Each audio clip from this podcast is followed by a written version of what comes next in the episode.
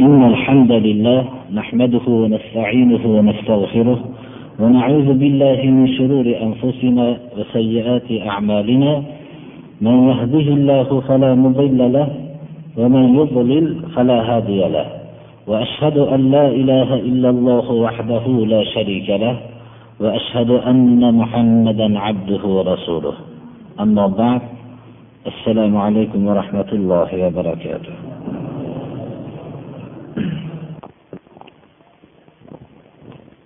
يعلم أنه لا إله إلا الله دخل الجنة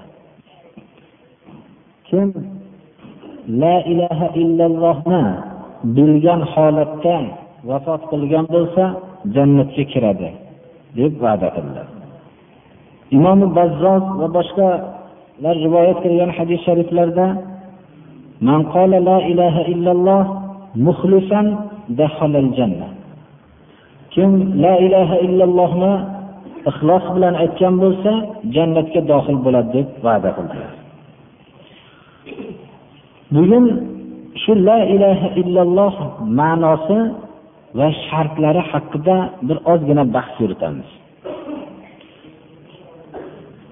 Ba'zi kishilar bu hadislarni shunday sharh qilishganlarki la ilaha illalloh kalimasini aytsa jannatga dohil bo'ladi degan hadis sharif. Kim qasddan namozni tark qilgan bo'lsa kofir bo'ladi.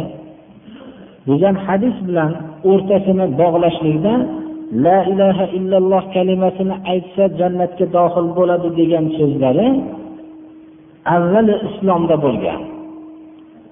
Ya'ni hali namoz farz qilinishligidan ilgari kim la ilaha illalloh muhammadu rasululloh kalimasini aytgan bo'lsa jannatga dohil bo'ladi. Namoz u vaqtda farz qilingan emas besh vaqt namoz makka muhitida o'ninchi yilda vafot qildi. Nima? Farz qilingan. Ya'ni o'n yil keyin besh e, meroj kechasida besh vaqt namoz farz qilingan. Shu vaqtgacha la ilaha illalloh muhammadu rasululloh deb o'tgan bo'lsa jannatga dohil bo'ladi deb shuni tavjihlashgan bu ham bir tavjih bo'lsa lekin asli la ilaha illalloh kalimasini tushungan kishi bu sharhlashlikka vallohu alam hojat ham bo'lmasa kerak. Chunki iloh kalimasi nima? La ilaha illalloh kalimasi bilan biz ollohni yakka yaratuvchi ekanligini isbotlaymizmi? Yoyinki ollohning yakka rizq beruvchi sifatini isbotlaymizmi? Yoyinki koinoti yerni boshqarishlikda yagona sifatini isbotlaymizmi? Qaysi sifatni isbotlaymiz? Iloh kalimasi arablar yaxshi tushunishadi.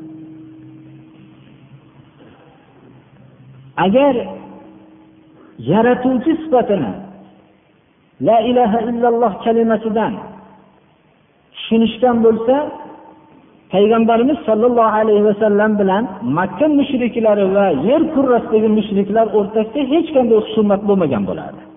Chunki makka mushriklari agar koinoti yerni kim yaratgan deb ulardan savol qilinsa olloh deyishardi. ولئن سألتهم من خلق السماوات والأرض ليقولن الله. koinot yerni kim yaratgan deb ulardan savol qilsangiz ya'ni makka mushriklaridan shu jahannamning o'tini bo'lib turgan shu mushriklardan so'rasangiz olloh yaratgan deyishadi. Ularni koinot yerni olloh yaratdi degan e'tiqodlari islomga kirgiza olmadi. Agar kim rizq beradi deb savol qilinsa makka mushriklariga olloh rizq beradi deyishardi. Kim o'ldiradi kim tiriltiradigan sifat egasi deb savol qilinsa olloh deyishardi. Kim koinoti yerni boshqaradi deb savol qilinsa olloh deyishardi. Demak la ilaha illalloh kalimasida la roziqa illalloh va la xoliqa illalloh la mudabbira illalloh kalimalari la muhya illalloh la mumita illalloh ma'nosi o'zi cheklangan bo'lganda makka mushriklari bilan payg'ambarimiz sollallohu alayhi vasallamni o'rtalarida hech bir husumat bo'lmagan bo'lardi. Ular ittifoqlik bilan yashashgan bo'lardi. Chunki ulardan savol qilinsa qur'oni karim bayon qilyaptiki أمن يملك السمع والأبصار ومن يخرج الحي من الميت ويخرج الميت من الحي ومن يدبر الأمر فسيقولون الله ayting ey muhammad alayhissalom koinot yerdan sizlarga kim rizq beradi degan ko'z va quloqlarni kim yaratishga qodir deng kim o'ldiradigan sifat egasi va tiriltiradigan sifat egasi deb ayting Kim koinoti yerni boshqaradi deb savol qiling. Savol qilsangiz ular olloh deyishadi. Bunday bo'lsa sizlar ibodatni shunday sifat egasidan boshqaga qilishlikdan qo'rqmaysizlarmi? Deng. Demak la ilaha illallohning ma'nosini arablar yaxshi tushungan edi. Ya'ni makka mushriklari hozirgi ahli ilmman deb davo qilib islomda eng tavhidni davo qilayotgan kishilardan ko'ra ular yaxshiroq tushungan edi makka mushriklari. Chunki la ilaha illalloh kalimasining zimnida yeru koinotda sig'iniladigan zot yagonadir. Boshqa sig'iniladigan na daraxt na inson na tog' na boshqa bir mavjudot yo'q degan ma'no oshkor turardi. Shuning uchun ular bilishdiki la ilaha illalloh kalimasini qalbiga jo qilgan insonlar o'zlarining soxta obro'lariga bular qattiq bir kurash ekanligini bilishgan edi. Iloh kalimasi ma'bud kalimasi edi ollohdan boshqa sifatning ollohdan boshqa ma'bud sifatiga ega bo'lgan hamma narsani nafiy qilishlik joylashgan edi. Shuning uchun hamma makka mushriklari bor mollariyu kuchlari bilan payg'ambarimiz sollallohu alayhi vasallamning da'vatlariga qarshi bo'lishdi. Agar til bilan la ilaha illalloh kalimasini aytib qo'yishlik bo'lganda payg'ambarlar bilan makka mushriklarining o'rtasida hech qanday husumat bo'lmagan bo'lardi. Shuning uchun bizni hozirgi vaqtimizda ham iymon va islom sifatini davo qilgan kishilar la ilaha illallohki doim aytib yurgan bu kalimani bilishlikka muhtojdir ular hasan basriy rahimaulloh bu kishi aytdilarki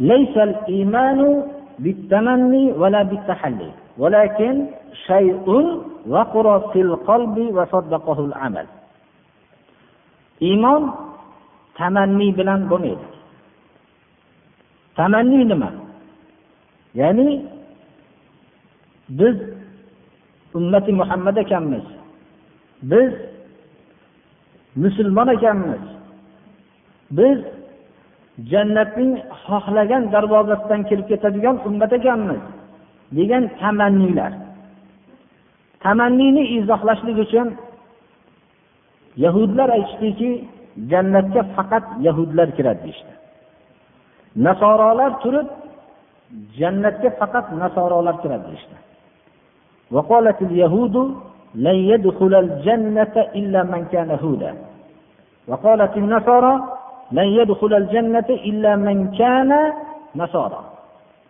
ikkovini jamlab qur'oni karim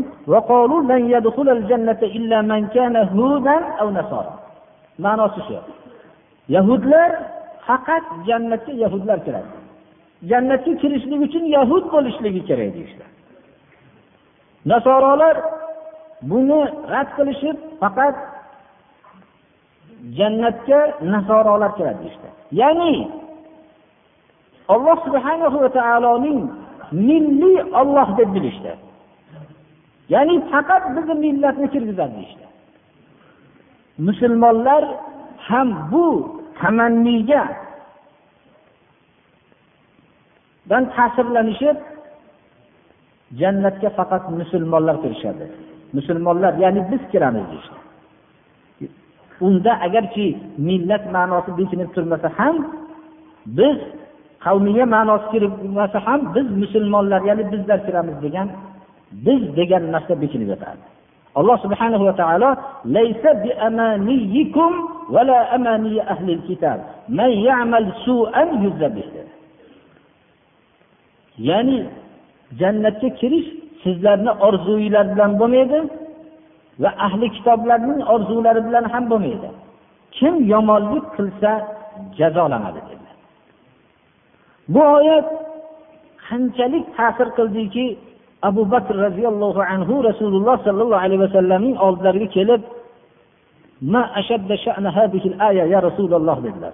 Bu oyatning qanday qattiq oyat qaysi kimiki yomonlik qilsa jazolanadi deyapti. Qaysinimiz yomonlik qilmagan kim bor dunyoda dedi shunda rasululloh sollallohu alayhi vasallam aytdilarki kasal bo'lasizmi? Boshingizga yengil musibatlar yetib turadimi? dedilar. Ha mana shu narsalar xatolaringizga kafforat bo'ladi dedilar. Demak iymon tamanni bilan emas ekan. Jannatga biz kiramiz degan so'zlar bilan jannatga kirilmaydi. O'zini musulmonman deb ziynatlashlik bilan kirmaydi. Tahalliy ya'ni faqat zohiriy amallar bilan ziynatlanishlik bilan kirilmaydi. Zohiriy amallar bilan to'g'ri rasululloh sollallohu alayhi vasallamning sunnatlarini ihyo qilishimiz kerak. Zohirdagi amallar bilan biz musulmonni musulmonligini yoyinki dinsizni dinsizligini bilamiz. Masalan biz zohiriy namoz o'qigandan keyin biz uni musulmon deymiz. Zohirda emas gap qalbda e'tibori bor. Deb namoz o'qimay niyatim toza deb namoz o'qimay yurgan odamni biz musulmon demaymiz. Biz to'g'ri lekin shu bilan birga zohiriy amalning o'zi bilan ziynatlanishlik bilan iymon vujudga kelmaydi. Iymon nima? Qalbda mahkam cho'kib o'rnashgan narsa. Vaqrun ya'ni oyatda vaqrun bir og'ir o'rnashgan narsa. Nihoyatda tosh bosib qalbda cho'kib jilmaydigan bo'lib o'rnashgan narsa. Musibatlar bilan o'zgarib qolmaydi. Qiziqtiradigan narsalar bilan o'zgarib qolmaydigan mahkam cho'kib o'rnashgan narsa. Amal. Va uni amal isbotlab tasdiqlab tursa. Bu qalbda mustahkam iymon cho'kkan degan narsani amal tasdiqlab turgan bo'lsa iymon shu dedilar hasan basriy rahimahulloh. Shuning uchun la ilaha illalloh kalimasini ma'nosi va shartlaridan ba'zisiga to'xtalib o'tamiz. La ilaha illalloh jannatning kalidi ekanligi haqida haq so'z bu. Lekin kalitni albatta buni tishlari bo'lishi kerak. Tishi bo'lmagan yumaloq narsani kalit demaydi. Agar shu tishlari bilan bo'lgan kalit bilan darvozani ochilsa ochiladi. Bo'lmasam tishi bo'lmagan kalit bilan hech qachon darvoza ochilmasligini hamma biladi. Lekin iymonning tishlari namoz ro'za zakot haj bu amallar tishlari ekanligini kam odam biladi. Shu kalimani aytsa jannatga dohil bo'ladi deb buyog'iga tishi bo'lmasa ham jannatga kiraveradi deb tushunadi. Birinchi shu la ilaha illallohning shartlari ya'ni shu la ilaha illallohning ma'nosini bilmoqlik. Hozir aytib o'tganimizdek ollohdan boshqa barhaq ma'bud yo'q deb bilamiz. Va bu ma'bud sifati faqat alloh subhanahu va taoloning o'ziga xos deb e'tiqod qilamiz. Alloh subhanahu va taolo falam annahu la ilaha illalloh dedi. Ya'ni buni la ilaha illallohni biz bilishimiz kerak nima ekanligini buning ma'nosini bilishlikka muhtoj bo'lganligimiz uchun falam dedi alloh taolo biling dedi. La ilaha illalloh kalimasini biling dedi. Buni bilishlikka ma'mur ekanligimizni hozirgi bizni turgan vaziyatimiz yana ham buni isbotlaydiki la ilaha illallohni aytgan odam qanchalik ko'p bo'lsa uni ma'nosini biladigan odam shunchalik oz birodarlar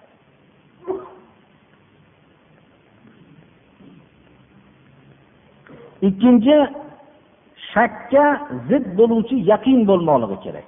La ilaha illallohni shartlaridan bittasi qalb ya'ni yagona ma'bud olloh ekanligini ollohdan boshqa barhaq ma'bud yo'q ekanligini shakka zid bo'ladigan yaqin bilan bilmoqligi kerak alloh subhanahu va taolo mana qur'oni karimda إنما المؤمنون الذين آمنوا بالله ورسوله ثم لم يرتابوا dedi وجاهدوا بأموالهم وأنفسهم في سبيل الله أولئك هم الصادقون haqiqiy sodiq iymondagi kishilarni qanday sifatda kishilar ya'ni olloh rasuliga iymon keltirgan haqiqiy mo'minlar kimlar?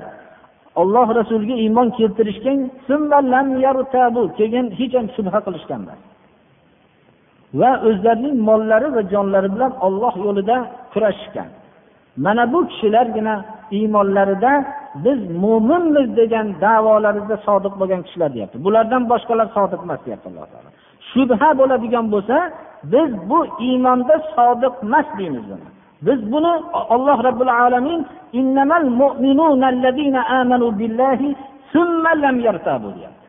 keyin shubha qilmagan bo'lsa mana bu narsa iymonga shartdir birodarlar.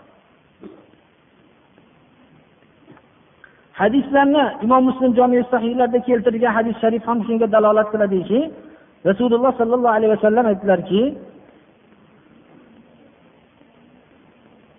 أشهد أن لا إله إلا الله وأني رسول الله لا يلقى الله بهما عبد غير شاك فيحجب عن الجنة o'zlari aytdilarki ollohning yagona ma'bud ekanligiga barhaq ma'bud ekanligiga va ollohdan boshqa ma'bud barhaq ma'bud yo'q ekanligiga guvohlik beraman dedilar Guvohlik berish bilan aytish ma'nosini farqli qilmoqligimiz kerak. Bir odam la ilaha illallohni aytishligi tili bilan bo'ladi. Guvohlik uning harakatlari guvohlik beradiki u ma'bud barhaq yagona boshqa ma'bud barhaq yo'q deganligiga dalolat qiladi. Shuning uchun ashhadu an la ilaha illallohda biz shahodat kalimasini e'tibor olmoqligimiz kerak. Shohidlardan bo'lishlikni ollohdan so'rashligimiz kerak. Dedilar. Havoriylar iso alayhissalomni fidoyilari butun molu jonlarini iso alayhissalomning da'vatlariga bag'ishlagan kishilar ham tashvishda bo'lib ollohdan so'rashdilarki robbana amanna bima anzalta xudoyo biz sen tushirgan kitobga iso alayhissalomga tushirgan kitobga iymon keltirdik. Va rasulga ergashdik dedi. Ergashgandan keyin shu gapimizda shohid o'z bo'lganlarni safidan yozdim dedilar bizda ham la ilaha illalloh muhammadu rasululloh degan odam takror aytamiz nihoyatda ko'p. Lekin shohidlardan bo'lishlikni hisobga olmoqlik kerak shohid ya'ni shu kalimani aytgan ma'noni o'zida mujassamlashtirib turganligini bildirmoqligi kerak. Rasululloh sollallohu alayhi vasallam aytdilarki shunday o'zimni ollohni elchisi ekanligiga guvohlik beraman dedilarda va aytdilarki shu la ilaha illalloh muhammadu rasululloh bilan biror banda ollohga ro'baro bo'lmaydi shak qilmagan holatda agar ro'baro bo'lsa jannatdan to'silmaydi uni dedilar. Jannatga ketayotgan yo'li to'silmaydi uni dedilar. Shu kalima bilan allohga ro'baro bo'lsa ya'ni aytishlikda sodiq qolsa to umrini oxirigacha. Qur'oni karimni iboralariga agar biz diqqat berar ekanmiz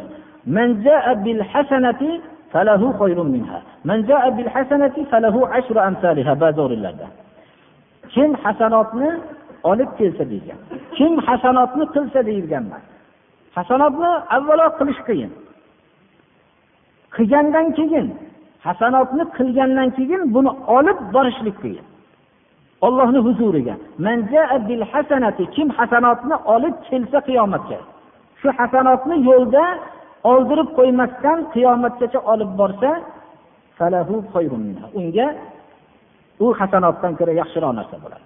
Qilgan hasanotini mukofoti bo'lmaydi. Undan o'n barobari beriladi.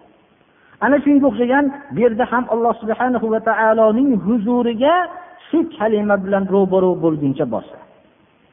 Qalbi va tili bilan qalbi bilan bu kalimani aytgandan keyin tili va qalbi bilan aytgandan keyin bu kalima talab qilgan narsani qabul qilmoqligi kerak. Bunga hujjat shuki alloh subhanahu va taolo rasululloh sollallohu alayhi vasallamning da'vatlarini qabul qilmagan mushriklarni hollarini bayon qilyapti. Takror aytamiz rasululloh sollallohu alayhi vasallamning da'vatlarini qabul qilmagan mushriklar ollohni yo'q demasdi.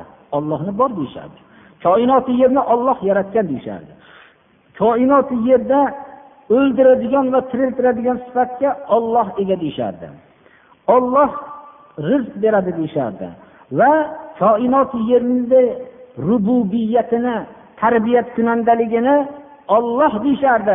Hozirgi iymonni davo qilgan kishilarki tarbiya kunandalikni tog'larga daraxtlarga yo birorta kishilarga topshirib qo'ygan jasadsiz ruhsiz bo'lgan jasadlarga topshirib qo'ygan kishilardaqa emas edi u mushriklar. Hali bu mushriklarning holidan ko'ra ancha tuzukroq edi ular. Shunchalik shu sifatlarga ega bo'lgandan keyin ham alloh subhana va taolo ularni la ilaha illalloh kalimasi talab qilgan narsani amal qilmagan kishilar deyapti إنهم كانوا إذا قيل لهم لا إله إلا الله يستكبرون ويقولون أئنا لتاركو آلهتنا لشاعر مجنون بشار ularga la ilaha illalloh deysa la ilaha illalloh deylar deyilsa ular aytishmadiki biz ollohni bor deyapmizu yaratuvchi deyapmiz olloh tarbiyat kunanda olamni tarbiyat kunandasi deyapmiz deyishmadi. La ilaha illallohni yaxshi tushunishardi. Ular o'zlarining qilayotgan hamma ishlardan voz kechishlari kerak edi la ilaha illallohni qabul qilishsa. Shuni bilishardi. Ular agar bularga la ilaha illalloh deb aytilinsa buni bunga bo'ysuninglar bu kalimaning talabini qilinglar deyilsa bosh tortishadi. Ya'ni bu kalima talab qilgan shartlarni amal qilishmaydi. Va aytadiki biz o'zimizni ilohlarimizni shu majnun shoirni so'ziga kirib tashlaymizmi deyishadi. La ilaha illalloh kalimasini shartlaridan bittasi alloh subhanahu va taolo shu kalimani aytgan kishilarga va anibu ila robbikum va aslimu lah. Robbiylarga inobat qilib qaytinglar va ollohni hukmiga rabbiylarga taslim bo'linglar. Deyilyaptiki demak to'la bo'ysunish va taslim bo'lishlik la ilaha illalloh kalimasi talab qilgan shartdir. Kizibga zid bo'lgan sidiq bo'lmoqligi kerak. Ya'ni sodiqlik bilan qalb bilan aytmoqlik kerak. Sodiqlik qaysinda bilmadi la ilaha illallohda sodiqlar bor. La ilaha illalloh kalimasini aytganlarni ichida kazzoblar bor kimlar alloh subhanahu va taolo mana bu yerda bizga bayon qilyaptiki alif lam mim أحسب الناس أن يتركوا أن يقولوا آمنا وهم لا يفتنون ولقد فتنا الذين من قبلهم فليعلمن الله الذين صدقوا وليعلمن الكاذبين odamlar amanna iymon keltirdik degan holatda tashlab qo'yilinishligini gumon qilishadi ya'ni la ilaha illalloh muhammadu rasululloh kalimasini aytib qo'yishlik bilan endi bo'ldi shu holatda. Nima qilishsalar ham endi shu holatda qoladigan deb gumon qilishadi alloh subhanahu va taolo sodiqlar kimligini biz imtihon qilamiz ularni. Ya'ni boshlariga har xil musibatlar solib ko'ramiz va sodiqlar kim va koziblar kimligini alloh subhanahu va taolo biladi. Ya'ni xalqlarga ma'lum qilib qo'yadi. Hatto o'ziga ham ma'lum qilib qo'yadi. O'zi ham o'zini aytadi sen kazzob ekansan bu kalimada deydi. Ozgina seni ishing yurib turganligi uchun dunyoviy ishlaring yurib turganligi uchun iymon keltirgan ekansan deydi. Rasululloh sollallohu alayhi vasallam oldilariga habbob arab roziyallohu anhu keldilar. Kabada kaba oldida o'zlarining ya'ni yopinchiqlarini taglariga solib yonboshlab yotgan edilar. Aytdilarki arab aytdilarki yo rasululloh duo qiling bizni alloh taolo g'olib qilsin. Juda bir qiynalib ketganligini bildirdilar. Habbob arabni avval tanib olishimiz kerak birodarlar. Ko'p bu yerda hadislarni sharhida men roviylarni hammalarini sharhlab berganman. Habbob arab shunday olloh yo'lida azoblanganlarki bu kishini muhammadni yo'lidan qaytasan deb lahcha cho'g'da yotkizib azoblar ekan. Yog'lari oqib o'tni o'chirib qo'yar ekan badallaridan tushgan yog' o'tni o'chirib qo'yadigan darajada azob tortar ekanlar umar ibn hattob roziyallohu anhudek salobatli kishi shunday shajoatli shunaqa o'zlari qattiq qo'l deb tanilgan umar ibn hattobdek kishi habbob ibn arabni azoblarini so'rar ekanlar. So'raganlarida ba'zida aytib berar ekanlar.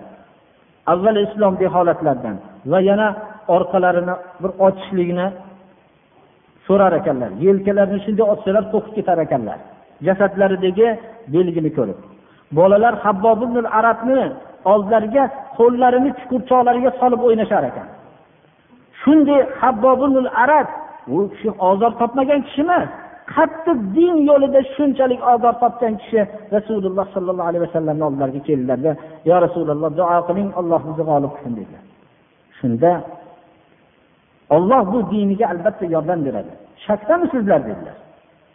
Sizlardan ilgarigilarni ba'zilarini boshlaridan aralab tashlaganda ham dindan qaytmasdi. Suvaklarini tarab go'shtlarini tarab suvaklarini ochib qo'yilsa ham dinidan qaytmasdi. Bu islom albatta shunday davrlar keladiki dedilar. Sanodan yamanni poytaxtidan hazramavtdek dahshatli o'rinlarda ham o'zi markab mingan korvonlar bemalol o'tib ketaveradi islom adolat soyasida. Qo'yi bo'lsa bo'ri yeb qo'yarmikin deb qo'rqadi boshqa narsadan qo'rqmaydi dedilar. Ya'ni islom adolati shunday qaroqchizor bo'lgan o'rinlarda ham adolati yetib boradiki hech kim bu bir zulm menga yetadi degan tashvish bilan yashamaydi deb shunday dedilar. Rasululloh sollallohu alayhi vasallam shunday kishiga shunchalik qattiq gapirdilar. Ana sodiqlar kimlar ekanligini alloh taolo bildiradi. Hayotda har qanday inson iymon imtihoniga uchraydi.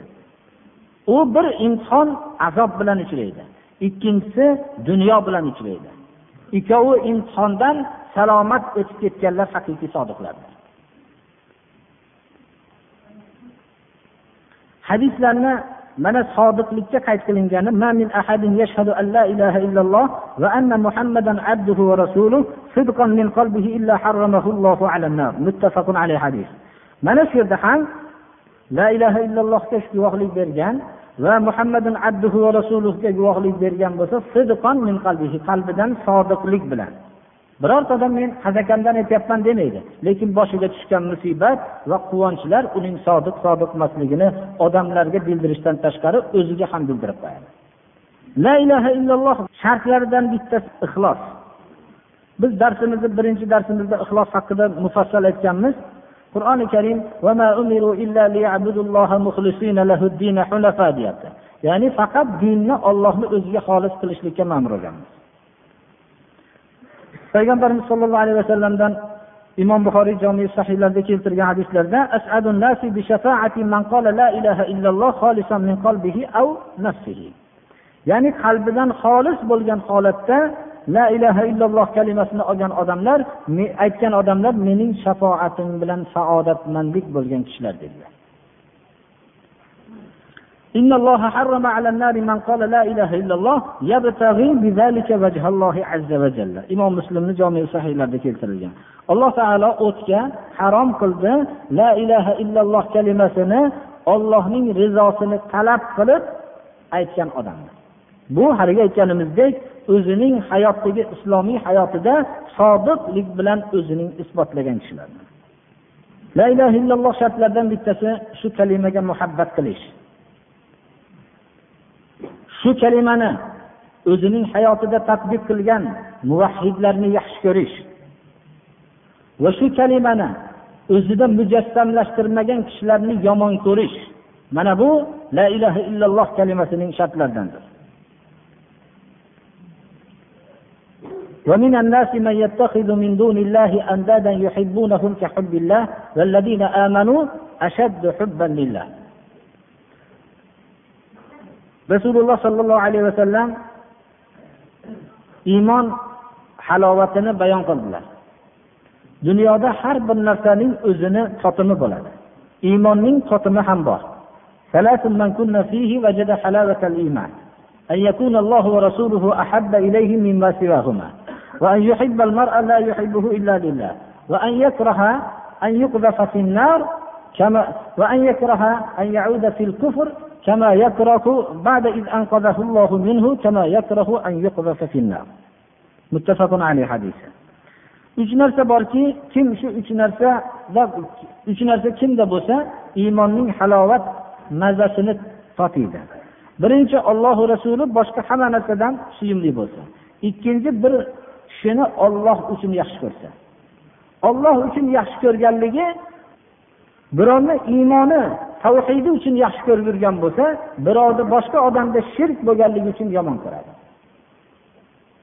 Va shirk sodir bo'lgan vaqtda ogohlantiradi. Qabul qilmasa shu kundan boshlab yomon ko'radi. Mana bu bilan isbotlaydi olloh uchun yaxshi ko'rganligi bo'lmasam bir tijorati yaxshi yurganligi uchun yo boshqa sifatlar bo'lganligi uchun uni olloh uchun yaxshi ko'raman deb yurgan bo'lsa bu davosini ham to'g'ri noto'g'riligini alloh taolo isbotlab qo'yadi. Va kufrga qaytishlikni alloh subhanahu va taolo kufrdan qaytarib qutqargandan keyin xuddi o'tga uloqtirilishligini yomon ko'rgandek yomon ko'radi. Mana bu sifat bo'lsa uchta sifat iymonning halovatini tatiydi shu yerda men bir narsani to'xtalib o'tmoqchiman. Ba'zi kishilar borki qattiq bir iymoni islomni shartlarini unga ro'baru qilinsa iymonni qabul qilib namozlarni o'qib ro'zalarni tutgandan keyin iymonning shartlarini ro'barusiga olib kelib qo'ysa va shu shartlarning xilofi hayotida topilayotganligini aytib qo'yilsa meni agar bunchalik mahkam ushlaversangiz ilgarigi holatimga qaytib ketaman deydi. Mana bu narsa iymonning halovati mutlaq bo'lmaganligini belgisi. Hali siz buni talab qilyapsiz uni talab qilyapsiz. Ya'ni u talab qilayotgan narsa o'ziga talab qilayotgani yo'q iymonning shartlarini bayon qilyapti. Mana bunday kufrga qaytib ketishlikni o'tga uloqtirilishligini yomon ko'rgandek yomon ko'rmaguncha iymonning halovatini tatimaydi. Bu gaplar ba'zi vaqtda quloqqa chalinib qoladi birodarlar.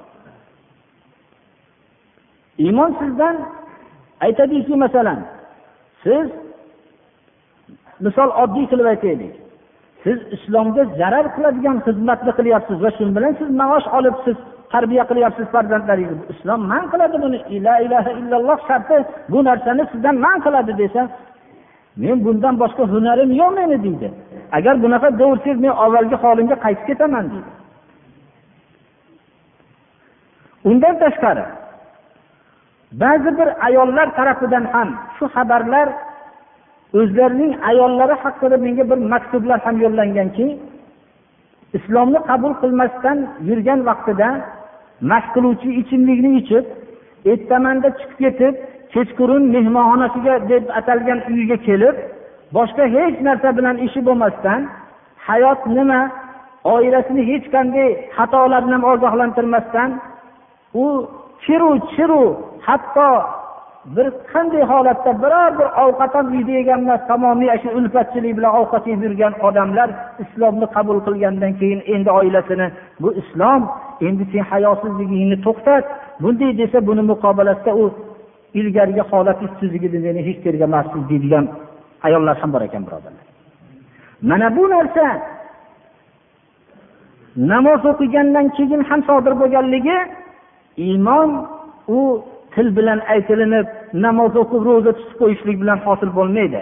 Qalbda mustahkam cho'kkan va uning amal isbotlab turgan narsa ekanligini alloh subhana va taoloning iymonga jannat va'da qildi. Jannat ko'z ko'rmagan quloq eshitmagan ollohning ulug' bir qiyomatdagi hech bir inson hayotida ko'rmagan ziyofatxonasidir. Mana bu narsa oddiy narsa bilan hosil bo'lmaydi. Odamlar dunyoda ham g'ozi bo'lmoqchi ham shahid bo'lmoqchi.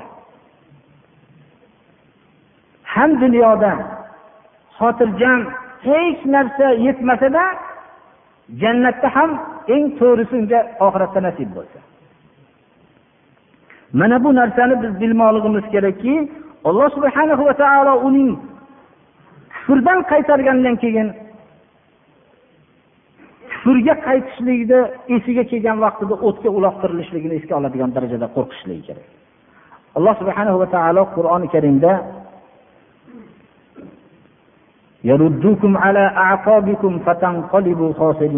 agar alloh subhanahu va taoloni buyruqlarini qilmasanglar sizlarni ilgarigi holatinglarga qaytarib qo'yadi degan so'z o'zi kifoya qilgan ularga. Avvalgi holatdagi johiliyat badbo'y johiliyatga qaytishlikni o'ylaganlarda qo'rqishga tushganlar avvalgi holatinglarga qaytaradi degan so'z sizlarni qatl qiladi degan so'zdan ham qattiq bo'lgan. Mana shuni bu chunki ular iymonning halovatini tatishgandirlar. Alloh subhanahu va taolo bizlarga ham iymonning halovatini tatishligini nasib qilsin. Salaf solihlarning iymonni tarifi bilan so'zimizni tugatamiz. Al iymon هو اعتقاد القلب اعتقاد بالقلب ونطق باللسان وعمل بالأركان iymon qalb bilan bo'lgan e'tiqod va til bilan bo'lgan nutq va arkon islom rukunlariga amal qilishlikdir dedilar sahoba ikromlarning fazilatlaridan to'rtta xalifamiz roziyallohu anhu ajmain ularning ba'zi bir fazilatlarini avvalgi darslarimizda o'qib eshittirgan edik sahobalar ichidagi ulug' sahobalardan abdurahmon ibn avf roziyallohu anhudir.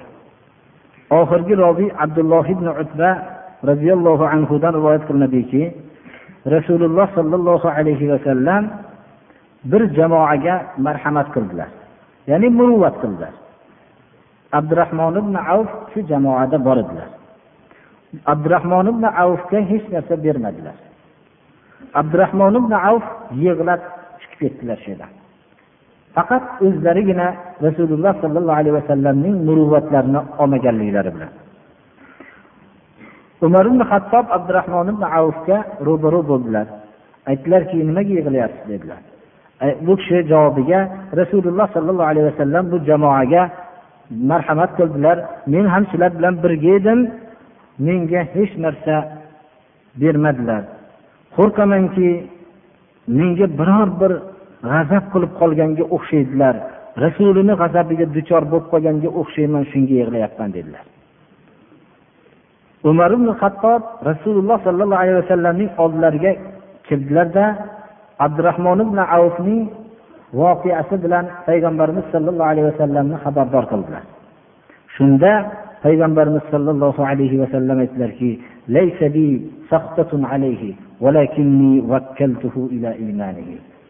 men abdurahmonga hech qanday menda g'azab yo'q. Ammo bunga bir narsa bermasligimni sababi uning mustahkam iymoniga ishonib bermadim dedilar. Abdurahmon ibn avf usmon roziyallohu anhuga qirq ming dinorga yer sotdilar. Ya'ni abdurahmon ibn avf katta bir yerlari bor edi. Shuni qirq ming dinorga sotdilar. Qirq ming dinor birodarlar bu juda katta bir pul hisoblanadi. Bir dinorni vallohu alam hozirgi shu olamdagi shu dinor yurib turgan dinor hisobiga hozirgi vaqtda yuz ellik mingga yaqin hozirgi mahalliy pulga to'g'ri keladi bir dinor. Qirq ming dinorga yer sotdilar. Undan tashqari bu nihoyatda ko'p narsa keladigan miqdordir. Bani zahra qabilasining kambag'allarga taqsim qildilar. va odamlarning hojatmandlariga shu mollarini pulni taqsim qildilar. Va ummahotil mo'minin payg'ambarimiz sollallohu alayhi vasallamning oilalari ya'ni onalarimizga taqsim qildilar. Nislar ya'ni abdurahmon ibn avfning vallohu alam bu kishi jiyanlari bo'ladi. Shu kishi aytadilarki abdurahmon ibn avf shu puldan ajratgan nasibani oysha roziyallohu anhoning ummahotil mo'minin onamizni bittalarini oldiga olib kirdim aytdilarki man arsala bihada kim jo'natdi buni dedilar قلت عبد الرحمن بن عوف فقالت إن رسول الله صلى الله عليه وسلم قال لا يحنأ عليكم بعد إلا الصابرون سقى الله ابن عوف من سلسبيل الجنة abdurahmon ibn avf berdilar deb aytuvdim. Shunda oysha roziyallohu anhu aytdilarki rasululloh sollallohu alayhi vasallam aytganlarki mendan keyin sizlarga sobir sifatiga ega bo'lgan kishilargina marhamat qiladi degan edilar. Alloh taolo abdurahmon ibn avfga jannatdagi buloqlarni bilan sug'orsin dedilar. Ibn avfning jiyanlari ekanligiga mana bu hadis dalolat qilsa kerak. مسور aytadilarki roziyallohu anhu بينما أنا أسير في ركب بين عثمان وعبد الرحمن قدامي وعليه خميصة سوداء فقال عثمان من صاحب من صاحب الخميصة السوداء؟ قالوا عبد الرحمن. قال فناداني عثمان. فقال يا مسور قلت لبيك يا أمير المؤمنين. فقال من زعم أنه خير من خالك في الهجرة الأولى وفي الهجرة الآخرة فقد كذب. Bir usmon roziyallohu anhu bilan birga korvonda ketayotgandim abdurahmon ya'ni tog'alari mendan oldin tog'am mendan oldida ketayotgandilar bir qora yopinchiq yopilmagan edilar. Usmon roziyallohu anhu bu qora yopinchiq yopingan kim? dedilar. Abdurahmon deyishdilar. Shunda usmon roziyallohu anhu meni chaqirdilar deydi misvar roziyallohu anhu. Ey misvar dedilar. Labbayka amiral mo'minin dedim. Kimki shu tog'ingdan o'zini birinchi hijratda ham ya'ni habasistonga bo'lgan hijratda ham ikkinchi hijrat madinaga bo'lgan hijratda afzalman men deb davo qilsa yolg'onchi shu odam bilib qo'ygin dedilar. Ya'ni abdurahmon ibn avfni birinchi va ikkinchi hijratdagi eng sodiq hijrat qilgan kishilardan deb usmon roziyallohu anhu sanagan ekanlar. Sufyon roziyallohu anhu bir bor aytadilarki payg'ambarimiz sollallohu alayhi vasallam إن من من حافظ على أزواج يعني على أمهات المؤمنين بعض رواية سفيان راوي سوزلari bu إن الذي يحافظ عليهن بعدي فهو الصادق البار. قال فكان عبد الرحمن بن عوف يحج بهن ويجعل على هوادجهن هوادجهن الطيالسة وينزلهن الشعب الذي ليس له منفذ. kim meni oilalarimni rioya qilgan bo'lsa dedilar rasululloh sollallohu alayhi vasallam. Ya'ni mendan keyin rioya qiladigan kishilar sodiq farzandlari shunday rioya qiladi dedilar. Ummul mo'minin ummahotil mo'minin bular payg'ambarimiz sollallohu alayhi vasallamdan keyin qolishuvdilar. Qolishganlarida ularning nafaqalarini beradigan zot dunyodan o'tgan edi. U kishining qarindoshlari nafaqa berishlari mumkin edi. Shunda aytgan ekanlar mening oilalarimga ya'ni ummahotil mo'mininga marhamat qiladigan sodiq bor kishilar bo'ladi. Ular shu sifatga ega bo'lgan odamlargina shu ishni qilolmaydi dedilar. Abdurahmon ibn avf ummahotil mo'minin qachon haj qilishsalar shu kishini hisobidan haj qilishar ekan. Va ularning havdajlarini butun hozirliklarini qaysi safarga yurishsalar havdaj deb tuyaning ustiga qo'yilgan bir go'yoki shuni uy misolida ichida salqinda ketadigan narsani havdaj deymiz. Butun shu jihozlarni abdurahmon ibn avf sarf qilar ekanlar. Va odam ya'ni bekik ko'chaga arafotda hamma o'rinda manfaz u yoqqa bekik yo'l bo'lib odamlar oyoq osti bo'lmaydigan joyga shu abdurahmon ibn avf ummahotul mo'mininni tushirar ekanlar o'zlarini hisoblarida. Ali ibn abi tolibdan eshitdim deydilar roviy aytganliklarini abdurahmon abdurahmon ibn avf vafot qilgan kunda izhab ibn avfin faqat adrakta safvaha va sabaqta ramqaha degan ekanlar. Tobutlarini shunday janozalar o'qilgandan keyin ey abdurahmon ibn avf yo'l bo'lsin endi sizga. Dunyoni toza tozasini topib o'tib ketdingiz. Biror bulg'ovunga qo'lingizni tekkizmasdan ketdingiz. Pokiza o'ringa boring deb shunday degan ekanlar tobutlari ko'tarilgan vaqtda. Rasululloh sollallohu alayhi vasallam aytgan ekanlar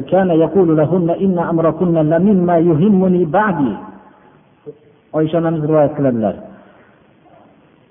Onalarimizga qarab aytgan ekanlarki ummahotil mo'mininga sizlarning ishinglar mendan keyin menga eng muhim bo'lgan narsa shu haqda o'ylayman deb qo'ygan ekanlar. Sizlarga faqat sobirlargina sabr qilib sabr qiladi degan ekanlar.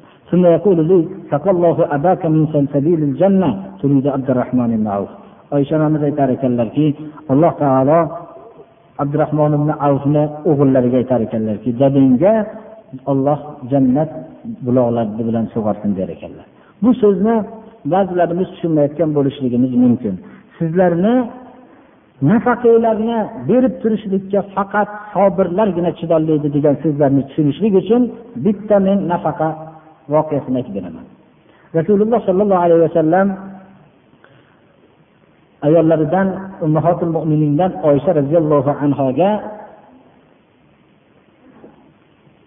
jiyanlari katta bir dunyoni berdilarki bir xaltada oltinni berib ibodat qilib shuni sarf qilib duo qilib o'tirsinlar deb jo'natganlarda shu oltinni shu kechgacha hammasini kerakli o'ringa berib yuborgan ekanlar. Oysha roziyallohu anhu shunda jiyanlari eshitib men bu narsani o'zlari yuziga sarf qilsinlar deb jo'natuvdim deb achchiqlanganliklarini oysha roziyallohu anhu eshitib qolib jiyanlariga qasamyod qilib shu jiyanimga gapirmayman deb qo'ygan ekan.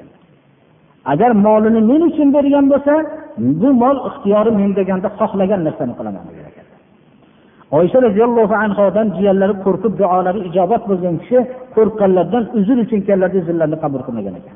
Shunda ulamolarga ko'p qanday sahobalarning ba'zilariga bir uzrni qabul qildirish yo'lini aytganlarda biz bir masala so'rashlik uchun kelganimizda shu siz pardani orqa ichiga kirib qattiq turib yig'lab uzr aytasiz degan ekanlar. Bizga izn beriladi kirishga kirishga izn bermagan ekanlar jiyanlari shunda molini minnat qilganligi uchun men izn bermayman degan ekanlar. Oysha roziyallohu anhodan sahobalarning kattalari bir masala so'rashlik uchun pardani orqasida turib so'rashardilar javobni olib ketishardilar. Shu ruxsat so'rashganlarda ruxsat berildi. Shunda jiyanlari shu pardanidan shunday kirdilarda qattiq shudan jilmasdan uzr aytdilar aytdilarki men qasam ichib qo'yganman gapirmaslikka dedilar. Shunda qasamlarini buzsalar butun buzishlikka ya'ni albatta qasamini buzgan odam bir qon chiqarish kerak bir tuya so'yish kerak yo mol yo qo'y so'yish kerak. Shuni jiyanlari aytgan ekanlarki to'xtamasdan men tuyayu mol jo'nataversamu u kishi so'yib sadaqa qilaversalar shuni orzu qildim degan ekanlar. Ya'ni shunday sizlarga sabr qilish qiyin deganligini ular katta katta mollarni berishsalar ham ana shu vaqtda taqsim qilib yuborishlarini yo bu odam sabr qilolmaydi birodarlar. Buni qalbida nihoyat darajada faqat ollohni rizosini ixtiyor qilgan odamgina bunaqa odamga muruvvat qilib sabr qilolmaydi. Bo'lmasam beradigan odam uni ustida ko'rishligini va yana bundan bir ancha muncha maqtovlar eshitib turishlikni xohlagan odamgina berolmaydi. Bunday hech qanday siz bir narsa bersangiz sizga parvo qilmay ketadigan odamga bir narsa berib sabr qiladigan odam haqiqiy ollohni huzurida sobir bo'lgan odamlargina berolmaydi. Sahobalarning ba'zilari sadaqot qilingan vaqtda ikkita tuyani bir odamning muhtojligini bildida shu bilan ikkita tuyalarni yetalab shuning ustiga kerakli hamma jihozlarni qo'yib turib eshikni chaqirdilar. Chaqirganlarda shuni aytgan ekanlar chiroqlari bilan chiqqanda chirog'ingni o'chir degan ekanlar. Chirog'ingni o'chirib eshikni och degan ekanlar. Qo'llaridagi chiroqni o'chirib eshikni ochganlarida tuya kirib ketgan ekan ketavergan ekanlar. Ya'ni shu marhamatni qilsam u meni ko'rib meni o'zini nazdida ulug' odam deb ko'rib yurmasin. Meni oldimda aytmoqchi bo'lgan haqni aytolmay qolmasin. Bu o'zi uchun ham zarar noto'g'ri narsadan meni qaytara olmasa men uchun ham zarar deb shunday qilishardilar ollohni huzuridan faqat ajrni kutaman deb turib bir muruvvat qilishlikdan qiyin narsa yo'q birodarlar. Agar biz biror bir muruvvat qilsak to'qson yil bizni hurmat qilsa to'qson yildan keyin bir kun hurmat qilmay qolsa shu kunda gapiramiz ana shuning uchun bo'lsa kerak sizlarga sabr qiladiganlar juda ham sobir kishilargina sabr qilolmaydi deganlarning ma'nosi bo'lsa kerak? Allohu alam. Ummahotil mo'minin hammalari shunday edi. Ummahotil mo'minin bular nihoyat darajada dunyodan o'zlarini nihoyatda muruvvatlarni hammasini yo'qotib yuborishardilar.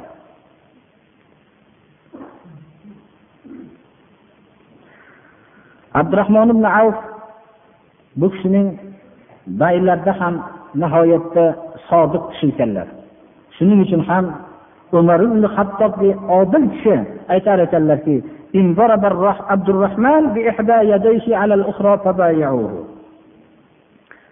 abdurahmon abdurahmon ibn avf bilan bay qilganinglarda qo'l qoqishliginglar shart emas agar abdurahmon ibn avf bir qo'li bilan ikkinchi qo'lini sizni qo'lingiz deb turib bay qilib qo'lini qoqib qo'ysa ishonib bay qilaveringlar degan ekanlar.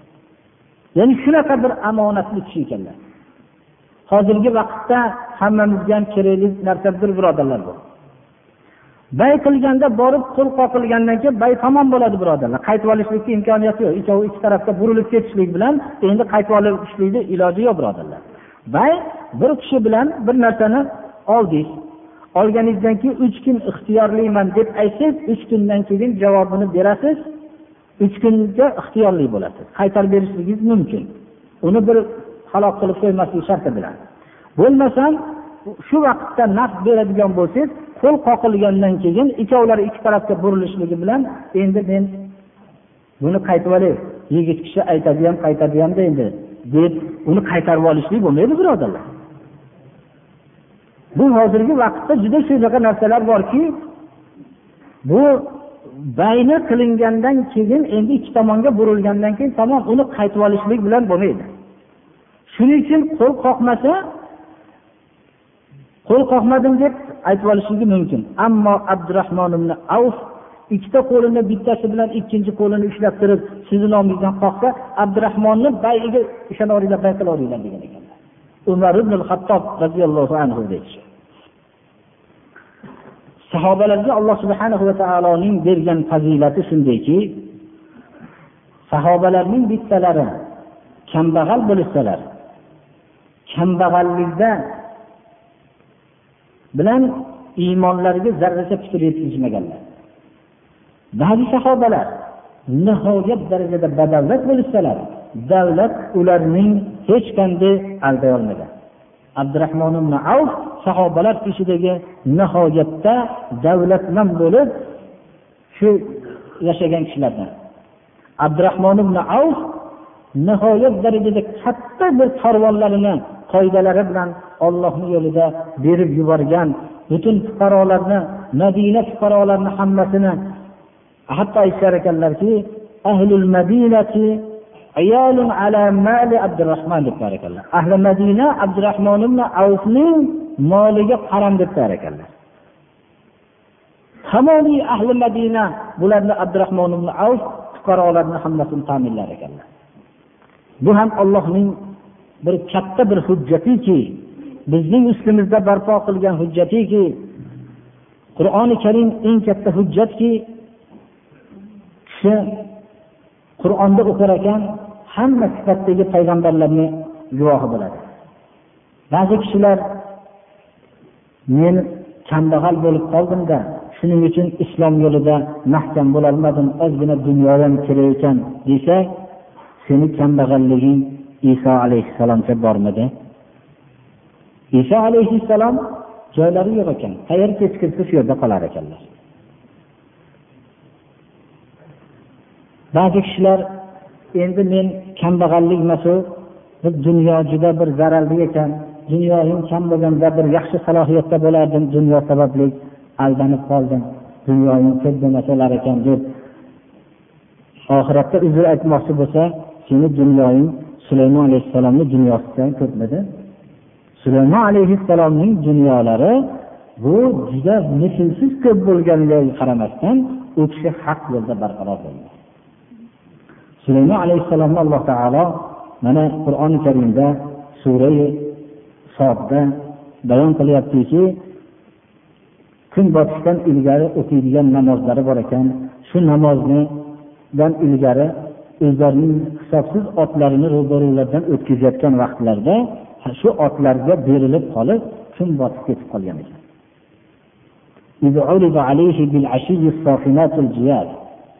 فقال إني أحببت حب الخير عن ذكر ربي حتى ترارت بالحجاب ردوها علي qarasalar kun botib ketib shu ibodatlari tark bo'lib qolgan ekan otlarni qaytarib kelinglar dedilar hammasini hammasini ollohni yo'lida qurbon qilib yuborgan ekanlar bitta bir ollohni zikridan meni mashg'ul qilgan narsa shuni deb hammasini ollohni yo'lida qurbon qilib yuborgan ekan ba'zi bir kishilar kasallanib jasadim doim kasaldan chiqmadida deb bahona qilmoqchi bo'lsa seni kasaling ayub alayhissalomni kasalicha bo'lganmi? Ana u kishining kasallari haqida hammamizga mashhur eshitilgan. Ba'zi kishilar aytsaki meni dadam qarshilik qilib qolib hech yo'lda haq yo'lda barqaror bo'lolmadim desa seni dadangni qarshiligi ibrohim alayhissalomni dadasi ozarni qarshiligicha bormidi? Hayoti bo'yicha ozar ibrohim alayhissalomga qarshi bo'ldi. Ba'zi otanidan voz kechmasa bo'ladi farzandni muhabbati qattiq ekan. Farzand mana butun farzand ko'yiga kelib turganlarni ko'ryapmizki farzandining mast qiluvchi ichimlik qilib bergan bilan ziyofat qilib bergan narsasida shunday bir balo ziyofatida qur'on o'qib duo qilib berayotgan otalar ham shu hayotda yashayapti birodarlar.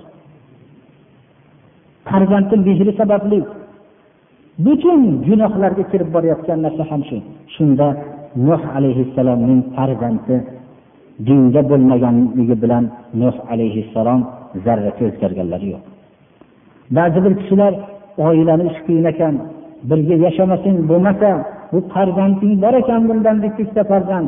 Shu ayolning fitnasi bilan haq yo'lda kirolmadim desa nuh alayhissalom bilan lut alayhissalomning ayoli kofir edi.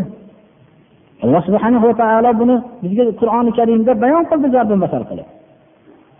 Ba'zi kishilar kishilar emas ayollar er ayolga g'olib bo'lar ekan ayolning ishi qiyin ekan. Ayolga bu erning zulmi turgandan keyin qattiq turgandan keyin bunga yengilar ekan odam desa seni kuyovingni zulmi fir'avnga bormadi. Fir'avnning ayoli mana jannatni ko'rib jon berdi. Yer kurrasidagi eng katta zolim fir'avnning ayoli mo'min edi.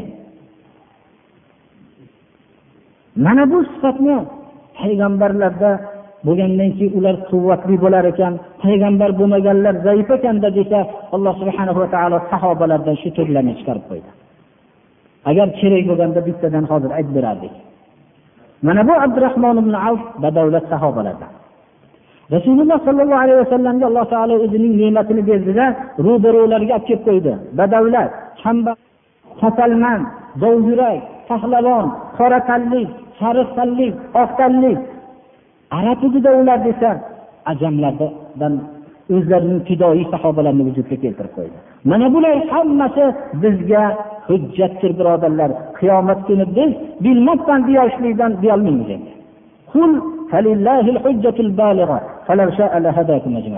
Alloh subhanahu va taoloning hujjati nihoyatda kuchli hujjatdir.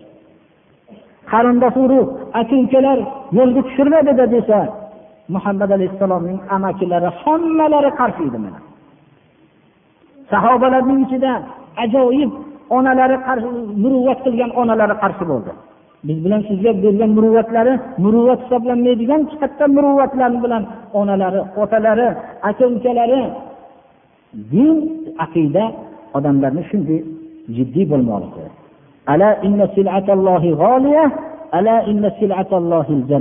ollohning qiyomat kunida beradigan matosi qiymatdir.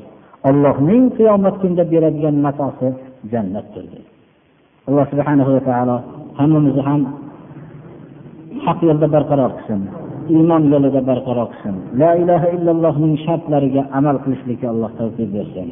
Alloh subhanahu va taolo shu darsimizni davom etsin alloh taolo. Shu darsga quruq eshituvchilardan gapiruvchilardan qilib qo'ymasin bunga amal qiladiganlardan qilsin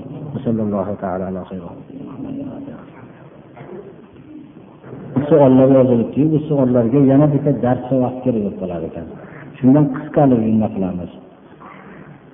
Farz yoki sunnat nafl namozlarda subhana robbiyal azim subhana robbiyal aloni uch martadan ortiq aytsa bid'at bo'ladimi? Jamoatda imomga o'tgan kishi farzda ya'ni imomga o'tgan kishi deyishimiz bilan farzni tushunamiz bunda uch martadan ortiq aytishligi makruhdir mumkin emas. Imomga yolg'iz o'qiganda sunnat nafllarda xohlagancha aytaveradi. Ba'zi mashhur duolar borki rukuda sajdada o'qilinadigan ularni o'qiveradilar tahajjud namozida jamida ishtirok etgan kishilar mana deyishadilarki ruku sujudlarda bu ixtiyoriy xohlagan keladi. Bu nasib duolarni o'qib bu tahajjud namozini o'qiganmiz